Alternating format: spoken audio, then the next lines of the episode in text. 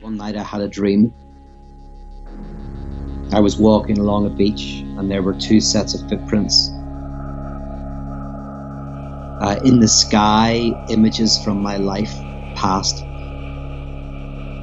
Uh, I noticed that every time I went through um, uh, a beautiful time in my life, uh, I noticed there was only one set of footprints. And I turned to my companion, Death, and I said, you know, when it, whenever times were good, whenever I was able to experience the depth of life and the wonder of life, there's only one set of footprints.